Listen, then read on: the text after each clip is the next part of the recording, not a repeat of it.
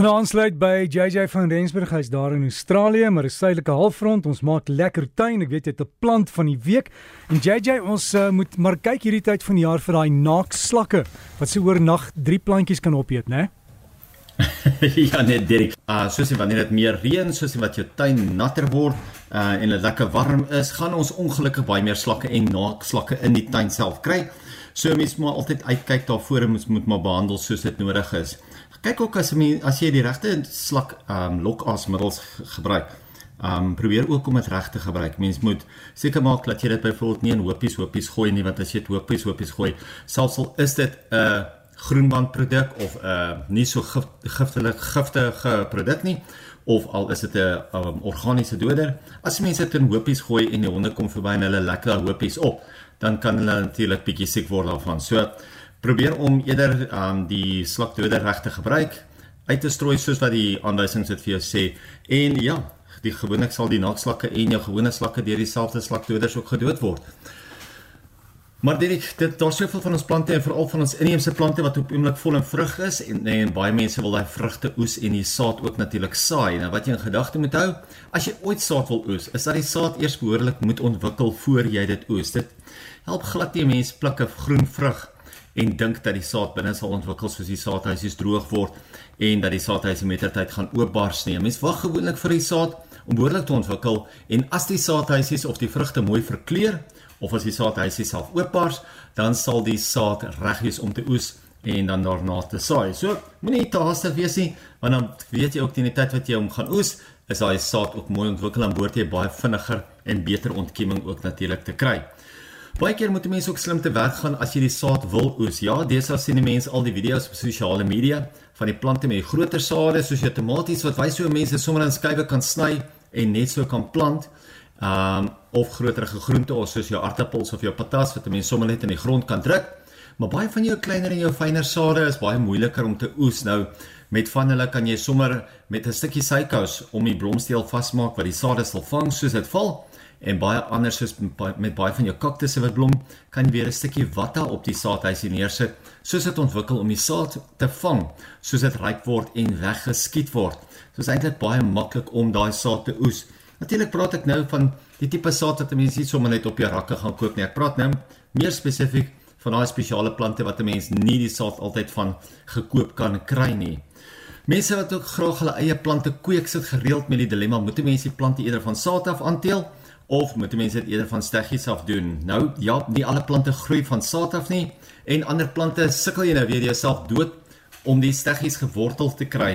Nou ek sal weer op 'n stadium oor die maak van steggies um, praat, maar die twee grootste verskille op die einde van die dag is dat die plante wat van steggies gekweek word identies dieselfde behoort te wees. Anders as die plante wat van saad af gekweek word was, maar die plante wat van saad af gekweek was, groei wel baie vinniger as die plante um, wat met byvoorbeeld steggies aangeteel was want hierso kry jy sommer dadelik 'n penwortel, dadelik 'n sterker wortelstelsel. So die plante self groei baie vinniger. So as jy um kon kies tussen die twee en jy het nie noodwendig die identiese uh tweeling nodig nie, dan kan jy sommer die saad oes en die saad saai en dan weet jy daai plante gaan baie vinnig baie sterker groei.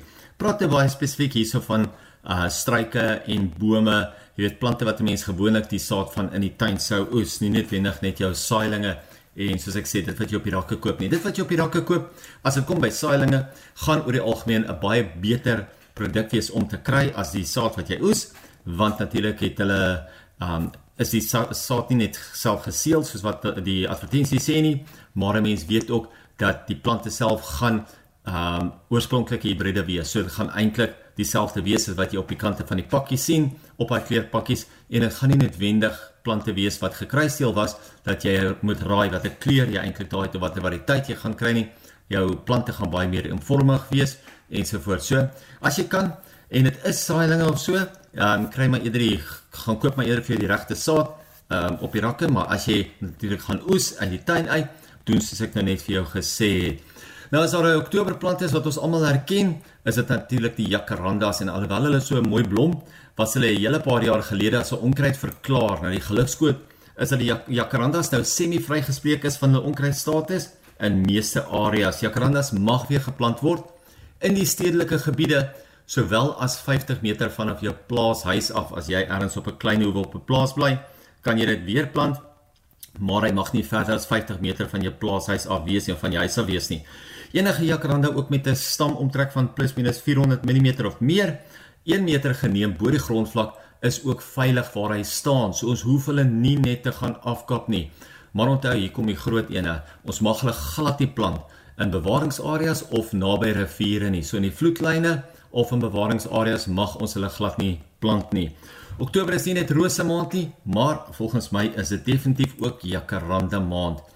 Daar's twee feeste aan op die oomblik waarvan ek weet, die roosfees is natuurlik tot môre aan by Garden World waar Sandy Roberts vandag 'n praatjie het en dan ehm um, so as jy bietjie wil gaan draai daarso, skakel net vir Garden World kontak hulle al die besonderhede is natuurlik op die Facebook bladsy en uh, dan kan jy sommer Sandy Roberts se praatjie nog vandag gaan bywoon.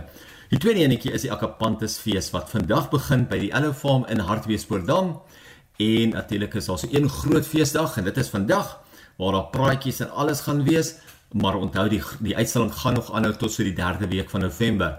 Nou Andy en Quentin het mos vroeër die jaar die plant van die jaar met die Akapanthus Blackjack in Engeland gewen en hulle stel weer eens vandag 'n nuwe Akapanthus kleur vry.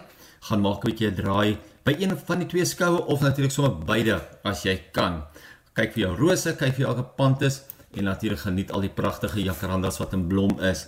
Ons plant van die week vir hierdie week is 'n kruising tussen 'n gewone bosmalva en die rankmalva, Pelargonium interspecific.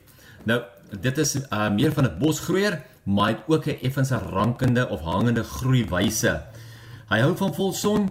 Hy's bes om ook in die oggende self as uh, self nat te maak. Jy probeer hom om nie in die middag en in die aand is nat te maak nie. Probeer hom in die oggende nat te maak. En soos met die ander malvas, wil die ene ook eerder nat gelei word. Hy wil graag in die volson geplant word en hy is ook lekker gehard. So gaan gaan vra 'n bietjie by die kwekery of hulle al die nuwe variëteit het. Hulle noem dit 'n Pelargonium interspecific. So dis 'n interspesie wat beteken is 'n kruising tussen jou verskillende malvas en hierdie een is 'n spesifiek van jou randmalva en jou um bosmalva gekruis. So jy het 'n interspecific wat natuurlik die beste van beide vir jou gaan gee. JJ van Rensburg wat so vir ons help om tuin te maak en daai malva die in die die die bos en die rankien gemeng. Dis nogal nice, dis mooi. Jy kan gaan kyk by jou kwekery, dit is beskikbaar en JJ het ook op sy Facebookblad vir hierdie inligting gelaai is Gardens by JJ. Een woord, Gardens by JJ. Kry dit daar en lekker tuin maak.